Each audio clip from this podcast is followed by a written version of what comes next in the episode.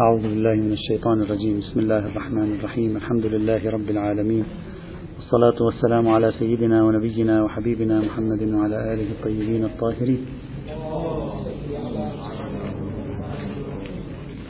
كنا نتكلم في البنود التي تؤخذ شرطا في صحة عقد الذمة أو فقل البنود التي تؤخذ في منح غير المسلم جنسية وإقامة دائمة في بلاد المسلمين.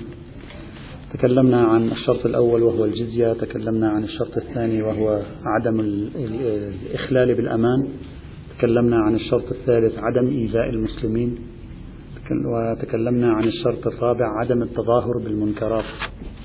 هذه أربعة شروط تكلمنا عنها. الشرط الخامس الذي يذكر في كتب الفقه أيضا عدم تربية أهل الذمة أولادهم على دينهم. عدم تربية أهل الذمة أولادهم على دينهم. يعني يجب لا يجوز للذمي أن يربي ابنه على المسيحية. الذمي اليهودي لا يجوز لا ممنوع عليه أن يربي ابنه على اليهودية. من نتائج ذلك لا يحق له أن يمنعه يذهب إلى المسجد. لا يحق له أن يمنعه يذهب إلى مجالس المؤمنين المسلمين. لا يجوز. سيد الخوئي مثلا في نص له يقول يشترط على أهل الذمة أن لا يربوا أولادهم على الاعتناق بأديانهم كاليهودية أو النصرانية أو المجوسية أو نحوها. هذه نحوها إما هي لازمة عادة وإما يقصد الصابئة لعله يرى الصابئة لا أدري. باعتباره هو بعد أهل الكتاب ثلاثة بعد الرابع ما عندنا. إلا يجوز يقصد الصابئة آه، على الاعتناق بأديانهم بأن يمنعوا من الحضور في مجالس المسلمين ومراكز تبليغاتهم والاختلاط مع أولادهم. لا يجوز لهم أن يفعلوا ذلك. بل عليهم تخلية سبيلهم في اختيار الطريقة. يعني اتركوا يروح إلى إلى إلى المسلمين. الآن سيد الخوء يقول وبطبيعة الحال طبعا هذه اليوم هذا الجملة هي يعني بصرف النظر أنها صحيحة أو غير صحيحة لكن هذه الجملة اليوم تعرف بسبب ظروفنا الحالية قد تبدو هذه الجملة غير يعني مستساغة يقول وبطبيعة الحال أنت إذا تركته يروح عند المسلمين بطبيعة الحال أنهم يختارون الطريقة الموافقة للفطرة وهي الطريقة الإسلامية. يعني أنت تتركه فهو إذا ذهب إلى المسلمين خلاص يصير مسلم. تنتهي القضية مثلا. هذا ما ذكره السيد طيب هذا ما من أين هذا الشرط؟ من أين هذا الشرط في أنه لا بد في عقد الذمة أن يؤخذ عليهم أن لا يربوا أولادهم على دياناتهم؟ الشرط هذا مستنده رواية وهي صحيحة. الفضيل بن عثمان الأعور قال سمعت أبا عبد الله عليه السلام يقول ما من مولود ولد إلا على الفطرة فأباه يهودانه وينصران ويمجسان. وإنما أعطى رسول الله صلى الله عليه وعلى آله وسلم الذمة وقبل الجزية عن رؤوس أولئك بأعيانهم على أن لا يهودوا ولا ينصروا ولا يمجسوا فأما أولاد أهل الذمة اليوم فلا ذمة لهم. هم هودوهم بعد راحت العقد انتهى. ألغي العقد. لأنهم هودوا أولادهم. هذا هو المستند الوحيد لهذا الشرط. وهذا الشرط لم أجده مصرحا به في كتابات وكلمات علماء أهل السنة وإنما صرح به فقط في كلمات الإمامية. ويبدو أن السبب في ذلك وجود هذه الرواية الأحادية. هذه الدليل كل المناقشات التي قلناها بالأمس على رواية التظاهر بالمنكرات بعينها تجري هنا. يعني لا أريد أن أعيد شيئا منها. ذكرنا ثلاث أربع مناقشات وأخذ ورد بإمكانكم أن تطبقوها تطبيقا واحدة واحدة. هل هذه هذا الشرط شرط في صحة عقد الذمة ولذلك فعله النبي؟ أو النبي جعله في عقد الذمة كحكم سلطاني ولذلك لا ذمة لهم اليوم؟ ذكرنا شوية مناقشات في هذا الموضوع. الخبر أيضا أحادي وذكرنا بعض لا أريد أن نعيدها ونكررها. هذا فنفس الإشكالات التي سجلناها بالأمس تجري هنا. خامسا أي الشرط الخامس من شروط عقد الذمة عدم إظهار دياناتهم بشكل علني. وكو أنا سأجمعها مع بعض تحت هذا العنوان أنا سأجمعها تحت هذا العنوان. عدم إظهارهم لدياناتهم بشكل علني وكونهم محتقرين. وكونهم محتقرين محتقرون محتقرين. يعني أن يكونوا في المجتمع الإسلامي محتقرين وأيضا إلى جانب ذلك لا يظهروا ديانتهم. ما معنى هذا الكلام؟ ما معنى؟ الآن سأعطي الأمثلة التي ذكرها الفقهاء في كتبهم. من السنة والشيعة. هذا هذه هذا الشرط مذكور في كتب السنة والشيعة أيضا. مثلا لا يجوز لهم بناء الكنائس. أنك إذا بنيت كنيسة أظهرت الدين. هو بناء الكنائس إظهار للديانة. بناء البيع إظهار للديانة. بناء الصوامع إظهار للديانة. لا يجوز. بناء دور العبادة إظهار للديانة.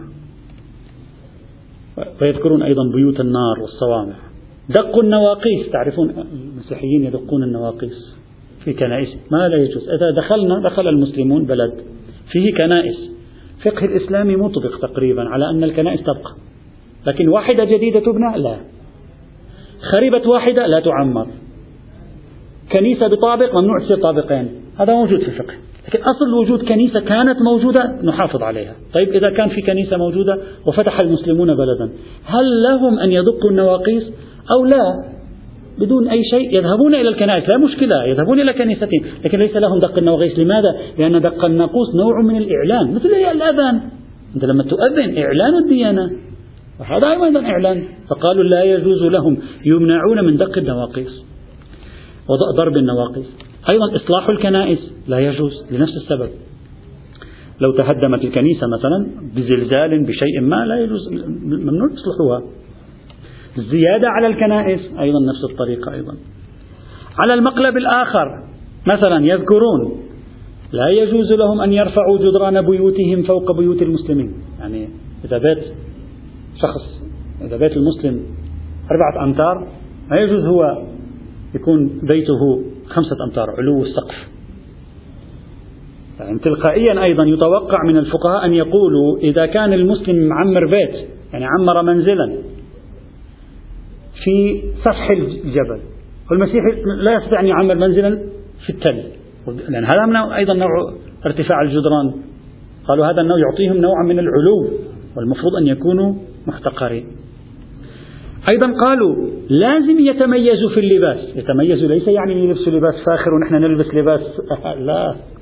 يعني يتميز بحيث أنه عندما ينظر إليهم في الطريق يعرف هؤلاء الأقلية هؤلاء أهل الذمة. يتميزوا في اللباس حتى في الشعر. إذا يريد يسوي أنواع قص الشعر عند الحلاقين لازم يكون في قصة شعر ذمية مثلا.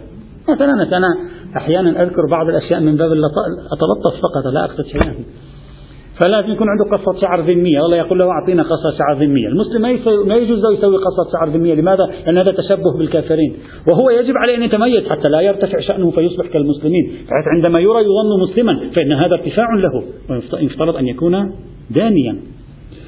هذه الأمثلة ليست من عندي. هذا من عند من الفقهاء أقول. اللباس المركب أيضا. مراكبهم يجب أن تكون بوضع لا تبدو أنها فوق المسلمين بل أدنى من المسلمين. كناهم وألقابهم أيضا لازم تتميز. ما يصير واحد مثلا مسيحي أو ذمي مثلا يكني نفسه مثلا بأبي عبد الله. عبد الله كلمة مسيحية إسلامية يهودية عالمية كلمة عبد الله صحيح؟ وما لا يجوز له. يعني عبد الله هذا خلاص اسم مسلم معروف أنه اسم مسلم. يجي يكني نفسه بأبي عبد الله لا يمكن. وما شابه ذلك. وكذلك مظاهر حياتهم العامة بحيث لا بد يبدون مختلفين عن المسلمين متميزين عنهم تميزا يبديهم أقل من المسلمين. لا تميزا يبديهم أعلى من المسلمين. ومن الموارد التي ذكروها أيضا وهذه فيها رواية ستأتي إن شاء الله تعالى ومن الموارد التي ذكروها أنه إذا مشينا في الطريق مثلا عندنا طريق خمسة أمتار عرض يعني خمسة أمتار. فإذا مشى المسلمون المسلمون يأخذون الجادة. الجادة يعني الوسط. لما نقول الجادة يعني الوسط. وهم عليهم أن يأخذوا حافة الطريق. طيب إذا كان المسلمون خمسة. أنا الآن لا أعطي فرضية مثالية. العبارة تقول هكذا. المسلمون خمسة. وجاي واحد مسيحي من الجهة الأخرى من الذمي فماذا نفعل؟ هو جاي في الطريق. فيجب علينا أن نفعل بط... نمشي بطريقة بحيث نضيق عليه في الطريق. هذا يمشي من تلك الجهة. آه. بحيث يمشي من تلك الجهة. وهو الذميون في بلاد الشام المسيحيون المسيحيون في بلاد الشام في تركيا في بلاد فلسطين في مصر إنما كفروا بالخلافة الإسلامية لأجل هذه الأشياء لأن العثمانيين كانوا يطبقون هذه الأشياء. عثمانيون لا يتساهلون كان في القضايا يطبقونها على كما هي. فكانوا يشعرون بأنهم في هوان ومذلة عجيبة غريبة فلذلك عندما جاء الغرب وقال لهم القومية والقومية هم القومية العربية قال نعم نعم القومية العربية جيدة المهم نخلص من العثمانيين. ونجح الغرب وأسقط الخلافة العثمانية وبعدين جعلهم أمة عربية ثم مزق الأمة العربية وما زال يمزق الممزق كما يقال. المهم فعليك أن تضايقه في الطريق. وهذا أيضا وهذا كله هذا الشرط أيضا نفس الخلاف الذي شهدناه في الشرط الثالث والرابع. أيضا نجده هنا أيضا. وهو هل هذا جزء من عقد الذمة؟ أو هذا شيء يتوافق عليه الحاكم؟ إذا جعله الحاكم جعله ما جعله ما يجعله.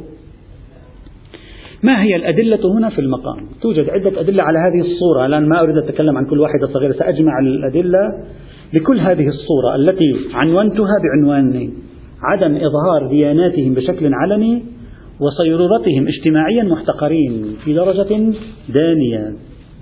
عدة أدلة طرحها الفقهاء المسلمون سنة وشيعة أولا قاعدة العلو طبعا بعض الأدلة تدل على الاثنين بعض الأدلة تدل على واحدة من هذين العنوانين اللذين ذكرتهما فقط للاختصار حتى لا نتشتت في المفردات. قالوا قاعدة العلو ونفي السبيل فإن هذه القاعدة إن لم تثبت ضرورة علو المسلم على الكافر فلا أقل تمنع عن علو الكافر على المسلم.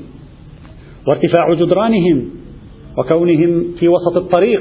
هذا معناه يعني هم المتقدمين هم الذين لهم السبق ونحن في جانب الطريق. و و و إلى آخره من كل هذه وبنائهم للمساجد للكنائس الضخمة خاصة يعني المسيحيون إذا تأثروا بالكنيسة الغربية فلا يبنون كنيسة غير فاخرة. الكنائس الغربية معروفة بال يعني البذخ الذي يدفع عليها حتى تكون أبهتها عظيمة للغاية. كنائس المشرقية تميل إلى الزهد. بعض الكنائس المشرقية تأثرت بالكنائس الغربية فصارت أيضا. بعض المسلمين تأثروا بالكنائس الغربية فصار المسجد لابد يكون أبها أيضا.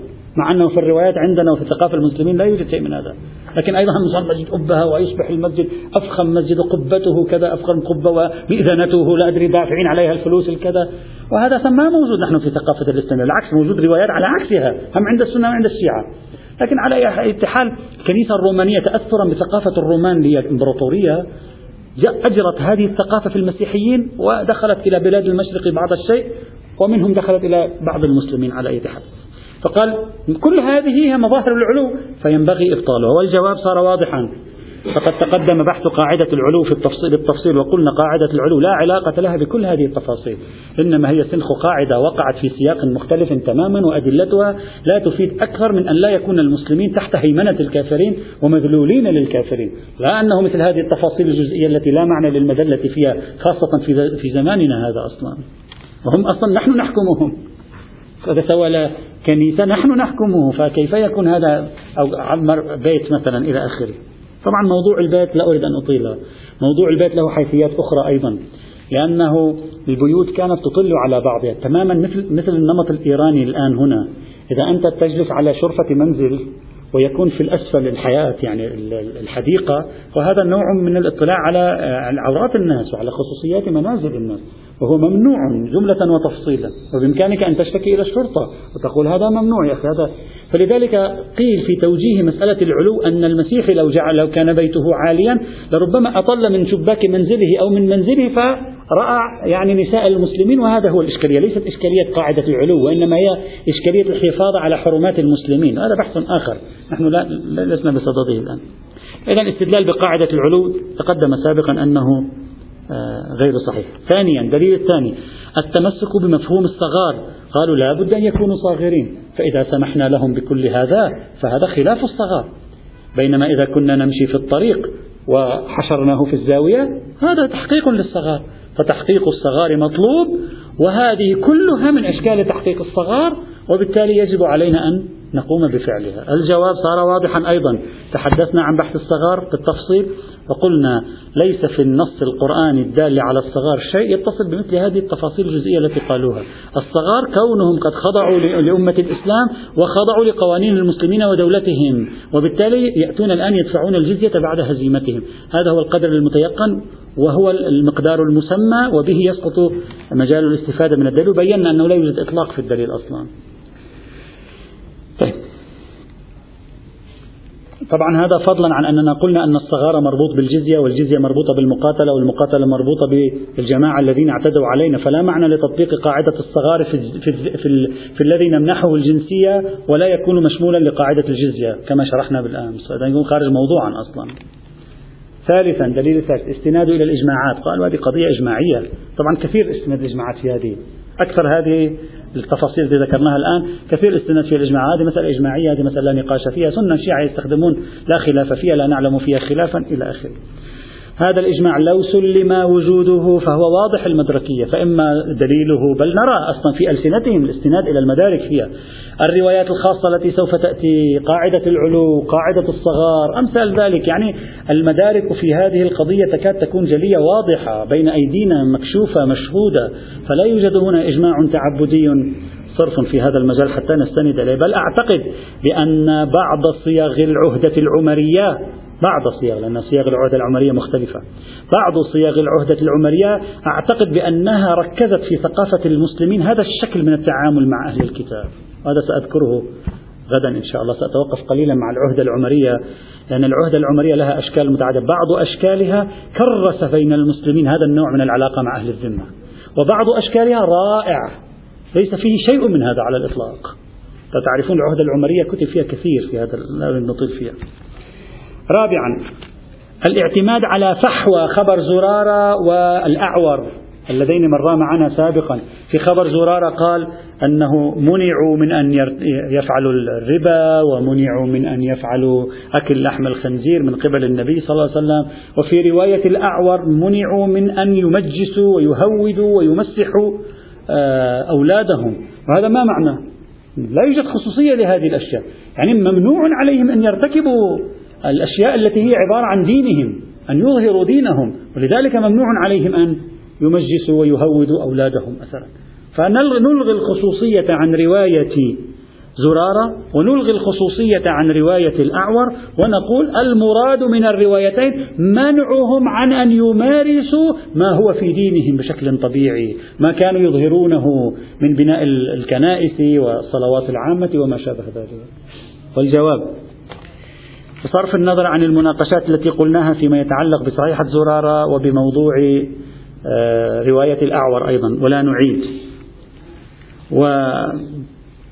بصرف النظر عن ذلك لا يحرز إلغاء الخصوصية في المقام. كيف تعرف أنه الخصوصية تلغى لكل هذه الأشياء التي أنت تقولها؟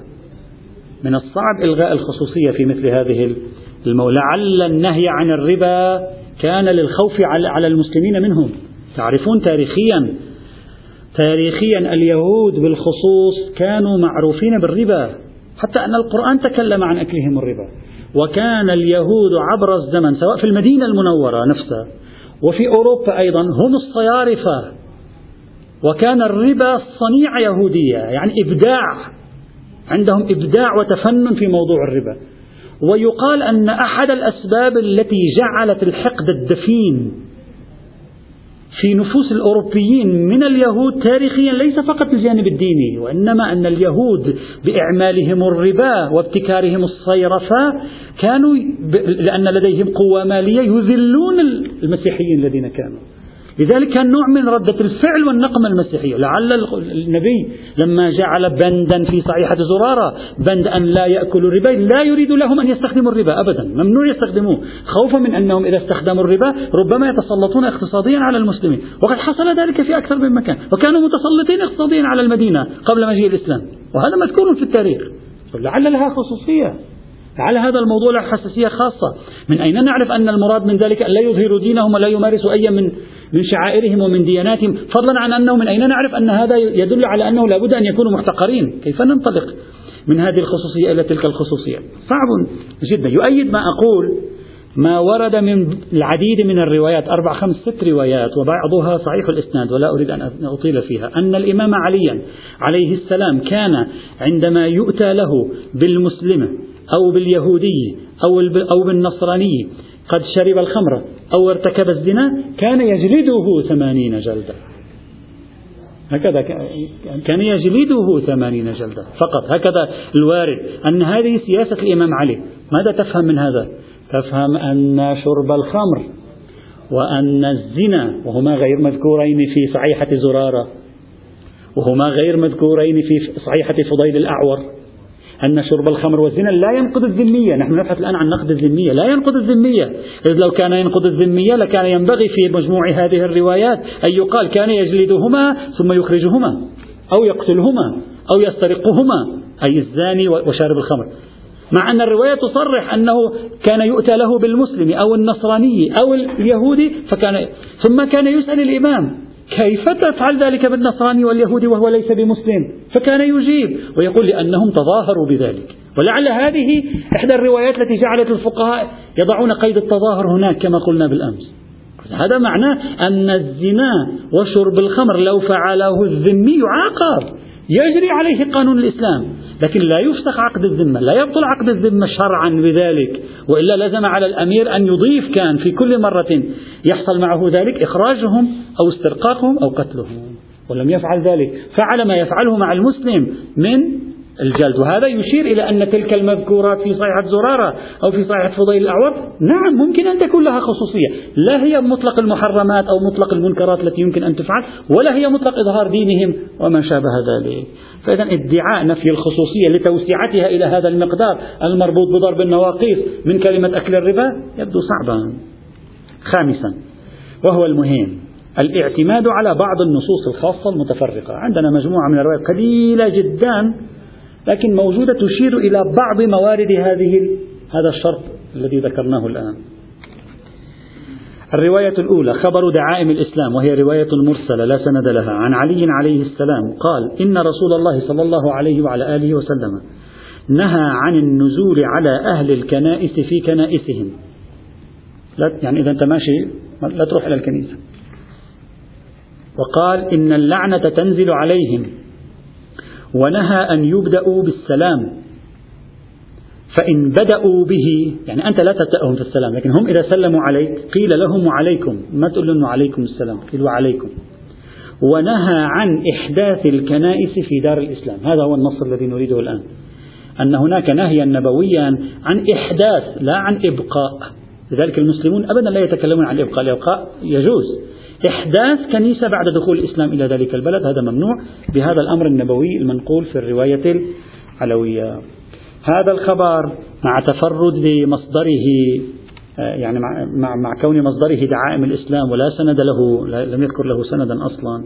لو صح هذا الخبر فهذا لا يعنينا في بحثنا. نحن لا نبحث فيما يجوز وما لا يجوز للذمي نحن نبحث في أن هذه الأشياء شرط شرعي في عقد الذمة أو لا. لا نبحث في القانون. هذه الرواية أقصى ما تقول لا يجوز لهم أن يحدثوا كنيسة. خلاص لا يجوز لهم لا بأس لا يجوز لهم أن يحدثوا كنيسة. لكن لو أحدثوه يبطل عقد الذمة. ليس في الرواية ما يؤشر على ذلك. ليس في الرواية ما يؤشر أن هذا جزء من عقد الذمة. في الرواية ما يؤشر إلى أنه من قوانين أهل الذمة من القوانين التي تجري على أهل الذمة صحيح. أما لو أنهم خالفوا هذه القوانين ما الحكم؟ بطلت الجنسية سحبت منهم الجنسية لا يوجد في الرواية شيء. فالاستناد إلى مثل هذه الرواية في موضوع بحثنا لا علاقة له على الإطلاق. ومثل هذا الخبر المرسل أيضا في رواية أخرى خبر آخر مرسل عن النبي صلى الله عليه وعلى آله وسلم ورد في مصادر أهل السنة قال لا تبنى الكنيسة في الإسلام ولا يجدد ما خرب منها. هذه الرواية شيعيا لا وجود لها. هذه الرواية النبوية الشيعية موجودة في كتب الفقه عند العلامة الحلي. تعرفون العلامة الحلي؟ بعض الروايات السنية دخلت إلى التراث الشيعي من باب العلامة الحلي. معروف هذا. في عندنا عدة أبواب دخلت منها الروايات السنية عند الشيعة. أحد الأبواب العلامة الحلي. أحد الأبواب الثاني من؟ إذا الإخوة يتذكرون. ابن أبي جمهور الأحسائي. دخلت من طريقه أيضا مرويات سنية. على أي حال لا من القدماء تتكلمون. القدماء موجود المصادر ال كانوا يأخذون من السنة والشيعة. لكن المتأخرون أخذوا من مثل علام الحلي ومثل ابن أبي جمهور طبعا ابن أبي جمهور الأحساء أكثر بكثير جدا. آه نعم. الرواية على طريقته العلام الحلي في كتبه الفقهية لا يذكر سندا لا يوجد سند فذكرها مرسلة. فإذا رجعنا إلى مصادر الشيعة فالرواية أصلا موجودة في كتب الفقه لا في كتب الحديث وهي مرسلة. في هذه الحال عليك إذا رأيت رواية في كتب أمثال العلامة الحلي لا وجود لها في مصادرنا الحديثية ماذا تفعل؟ اذهب مباشرة إلى مصادر السنة. ذهبنا مباشرة إلى مصادر السنة. وجدنا الرواية في مصادر السنة. أين؟ الرواية منقولة في كتاب في في بعض الكتب الفقهية السنية وفي بعض الكتب ذات الطابع الحديثي نحو ما لا في الكتب الحديثية الأصلية. تسعة مثلا. وقد وردت هناك منقولة عن عمر بن الخطاب عن النبي صلى الله عليه وعلى آله وسلم بهذا النص. هذا العلام الحلي أتى بها من باب ربما الفقه المقارن؟ لا أدري. فالرواية النبوية مروية بطريق عمر بن الخطاب وبعد مراجعة سند الرواية في كتب أهل السنة بصرف النظر عن عمر بن الخطاب كان في سندها سعيد بن سنان الحمصي الذي هو مضاعف عند أهل السنة مهمل عند الشيعة. فالرواية سنيا ضعيفة جدا. شيعيا ليس لها وجود إلا في دعائم الإسلام وليس لها سند إطلاقا. ولو دلت فتدل على قانون من قوانين وزارة الداخلية البلديات. ممنوع تبني كنيسة. أما أنك لو بنيت يخرق عقد الذمة لا يوجد عين ولا أثر لذلك. تبقى مواطنا في هذه الدولة خالفت القانون تعاقب على مخالفة القانون. الرواية الثانية خبر أبي هريرة قال قال رسول الله صلى الله عليه وعلى آله وسلم لا تبتدئوا اليهود والنصارى بالسلام فإذا لقيتموهم في طريق فاضطروهم إلى أضيقها هذه الرواية يعني اضطره يروح للمساحة يعني ما يمشي براحته بالطريق. خليه يروح مكان ضيق مثلا هذه الطريقة. هذه الرواية طبعا وردت في صحيح مسلم ووردت في الكثير من مصادر الحديث السنية. كثير. الآن سنتكلم. في الكثير من المصادر السنية. في كل هذه المصادر لو تعبت حالك ورحت بحثت في كل هذه المصادر سند واحد ونفسه يتكرر في كل الكتب. أبي هريرة عن النبي. الآن صحيح مسلم مسند بن حنبل سنن أبي داود مسند الطيالسي مصنف الصنعاني سنن الترمذي صحيح ابن حبان معجم الأوسط إلى آخره. في كل هذه الكتب ورد ولكن بسند واحد من أوله إلى آخره يعني هو سند لا غير. وهذا السند بصرف النظر عن أننا لا نقبل بما تفرد به أبي هريرة أو أبو هريرة فإن في السند شخصا آخر أيضا وهو سهيل بن أبي صالح. وسهيل بن أبي صالح رغم أن مسلم قد روى عنه ولذلك السنة يعتبرون الرواية صحيحة إلا أن سهيل بن أبي صالح لو رجعنا المراجع الرجالية السنية سنجد أنه رجل مختلف فيه بين من ضعفه وبين من وثقه وبالتالي إذا تعارضت التضعيفات والتوثيقات لا يمكن بعد ذلك البناء على وثاقته. فتكون الرواية حينئذ ولو وردت في صحيح مسلم على مباني السنة صحيحة إلا أنها ليست صحيحة على التحقيق. نعم نعم. حتى الألباني الذي يعني في في في بحوثه حول كتب الترمذي وغيرها يضعف كثيرا من الروايات، هذه الرواية يقول صحيحة لأنها وردت في صحيح مسلم. وعندهم قواعد بعد إذا ورد في خبر حتى عندهم قاعدة رجالية الشخص الذي يرد اسمه في صحيح البخاري أو في صحيح مسلم خاصة صحيح البخاري فقد جاوز القنطرة. هذه الرواية النص معروف عندهم. يعني خلاص هذا عبر الجسر. ليس يعني في أمن وأمان لا يسقط في النهر. بمجرد أن يأتي اسمه في صحيح البخاري. ولذلك كثير من الأشخاص الذين ورد اسمهم في صحيح البخاري يوجد طعون عليهم لكن حاولوا أن يحلوا هذه الطعون يعني بذلوا جهود كبيرة لحلحلة هذه القضية. هذا بحثناه في بعض الكتب لا أدري أين. هذه من القضايا التي تثبت لك أن أسانيد البخاري وأسانيد مسلم وبعض المتون كانت محل نقاش في القرون الخمسة الهجرية الأولى بين السنة. بعدين صارت أمرا إجماعيا فوق النقاش. بعدين لما جاء ابن الصلاح الشهرزوري حول صحيح البخاري ومسلم إلى شيء غير قابل للنقاش. بعدين لما اجى ابن ابن حجر العسقلاني العسقلاني حسم القضية ممنوع النقاش. لكنك لو ترجع إلى القرون الخمسة الهجرية الأولى علماء بأكملهم. كان لديه دار قطني لديه كتاب أصلا في توقف عشرات الملاحظات ضد البخاري. وهم يعرفون ذلك لكن خلاص هذا مثل قصة ابن الجنيد في درس الأصول. كانت قضية متنازعا عليها ونقاش طويل فيها لكن يقول لك لا بأس بذلك. كانت كذلك. الآن حسمت. انتهينا. لا تبحث في هذا الموضوع بعد اليوم. نعم. طيب. هذا الحديث سني كما قلت. سنده سنيا وفق قواعد النقد الرجالي غير صحيح. أهل السنة يعتبرونه صحيح لأنه ورد في صحيح مسلم وخرجوا قضية سهل أو سهيل بن أبي صالح. هل هذه الرواية لها وجود في المصادر الشيعية؟ نعم. هذه الرواية متكررة في المصادر الشيعية لكن لا وجود للذيل. يعني موجود في المصادر الشيعية لا تبدأ اليهود والنصارى بالسلام. لكن قاعدة الآن سأذكر الاستثناءات قاعدة في المصادر الأصلية الشيعية لا يوجد كلمة فإذا لقيتموهم في طريق فاضطروهم إلى أضيقها. إلا أن الشيخ الطوسي في كتاب المبسوط قال وروي عن النبي أنه قال في أهل الذمة لا تبدأوهم بالسلام واضطروهم إلى أضيق الطرق. محتمل الشيخ الطوسي بل على الأرجح أقول محتمل الشيخ الطوسي ناظر إلى الحديث في المصادر السنية. كتاب المبسوط كما تعرفون كتب على الفقه التفريعي والفقه التفريعي عادة كان يلاحظ الفقه السني عندما يكتب في تلك الأيام كما هو معروف. فربما أخذها من الفقه السني وقال وروي عن النبي مثلا ممكن. هذا محتمل.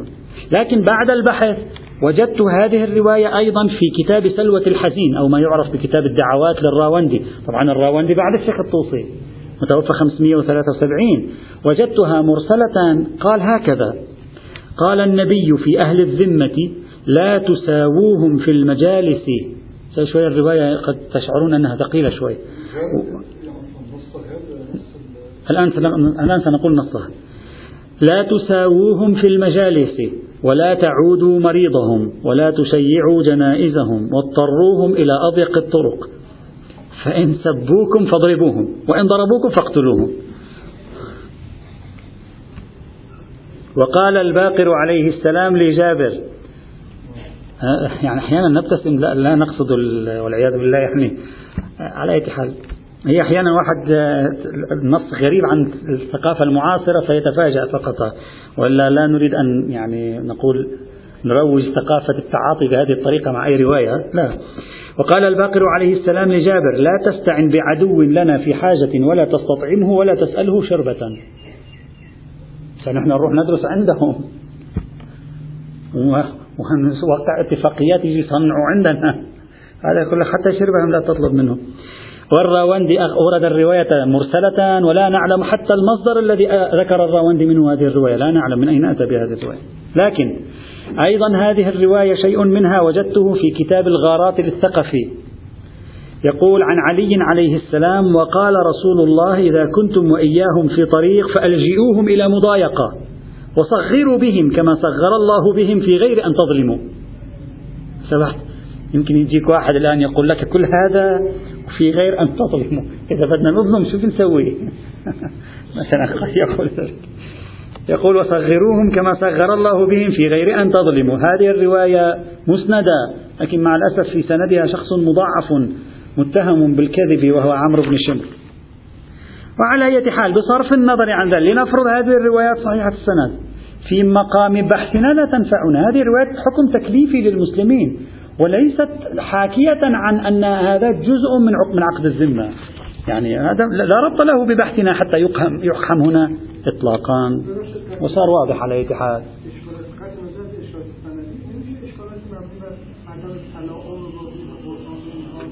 أنا لا لم أرد أن أبحث في هذا الموضوع أردت فقط أن أبحث في هذا الموضوع من زاوية ارتباطي بموضوع بحثنا.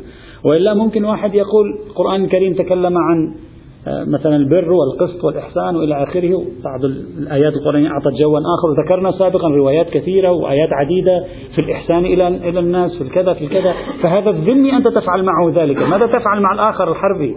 على أي حال هذا نعم ممكن واحد يعني يدخل في مداخلة. هذه الروايات ضعيفة من حيث الإسناد قليلة من حيث العدد. آه هذه حالها. نعم.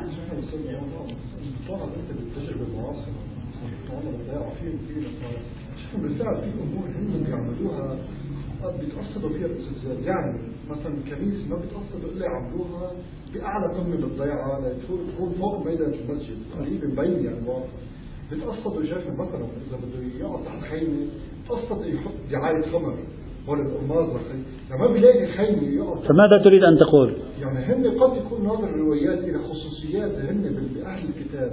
بيرتكبوها ابتزازا للمسلمين. لذلك اشتروا روايات على مثل الربا أو التظاهر بشرب الخمر أو أو انه بيكون بيوتهم عالية. قد هن هن باخلاقياتهم يعني روايات نظر الواقع العملي لهم.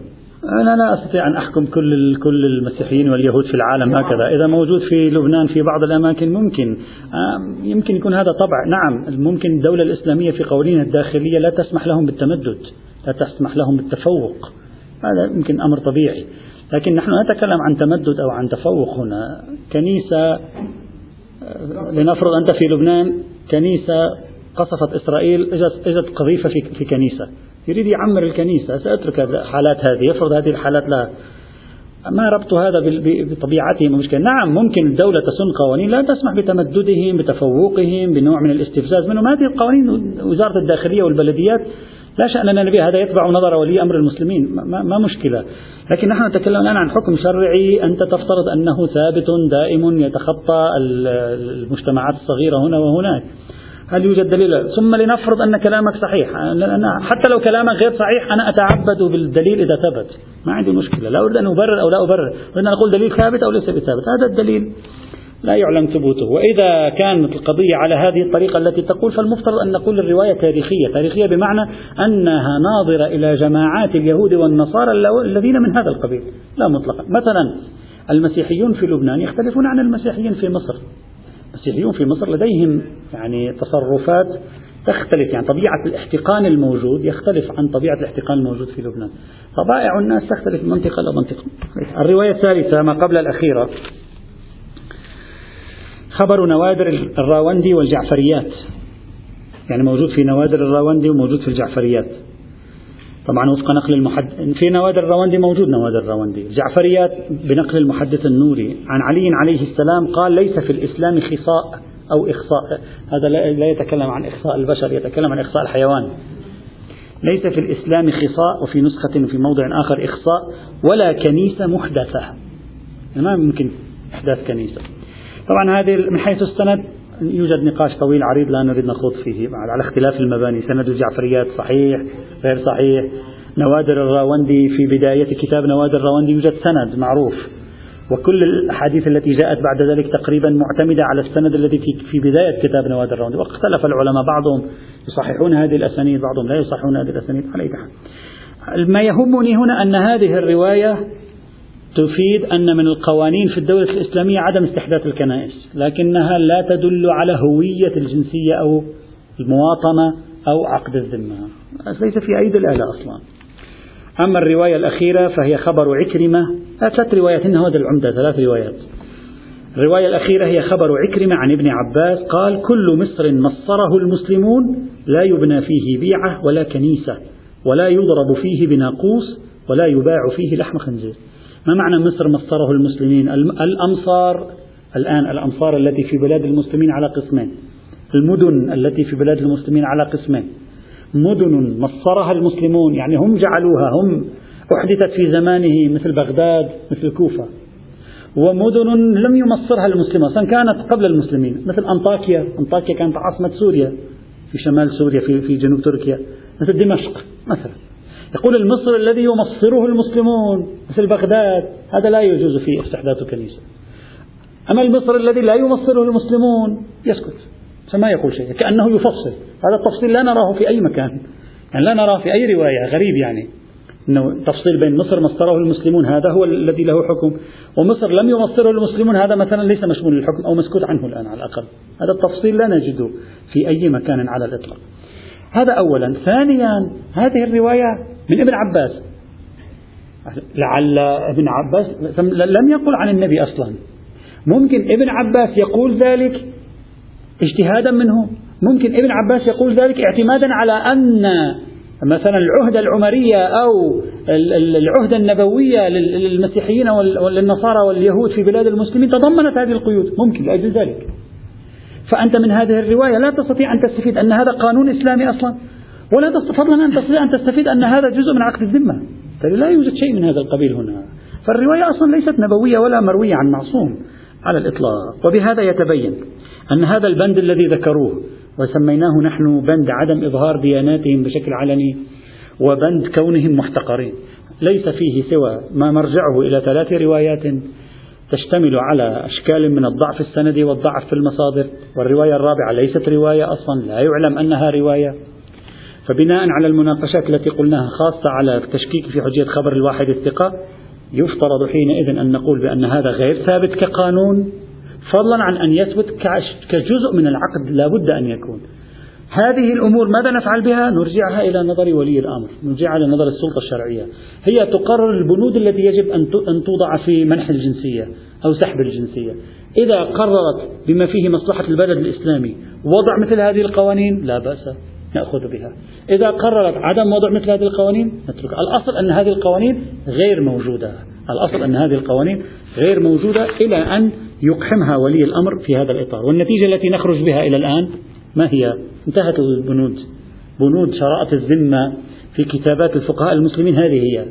النتيجة التي نخرج بها إلى الآن أن منح الجنسية والمواطنة لشخص غير مسلم يخضع لعنوانين.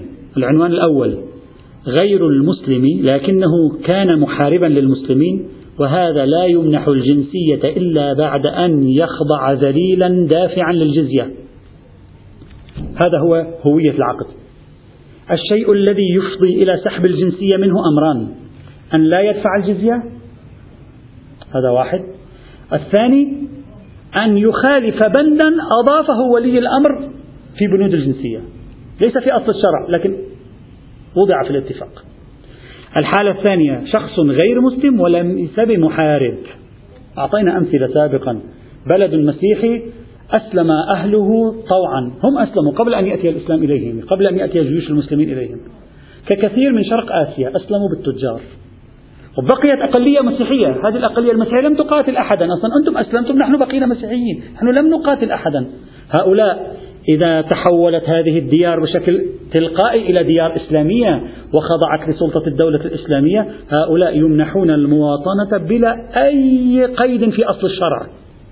لأن حتى قيد الجزية لأن قيد الجزية قلنا مربوط بالمقاتلة والمقاتلة مربوطة بالعدوان ولا عدوان في المقام. فالمرجع في قواعد أعطائهم الجزية أو سحب الجزية منهم هو ما تقرره الدولة الإسلامية.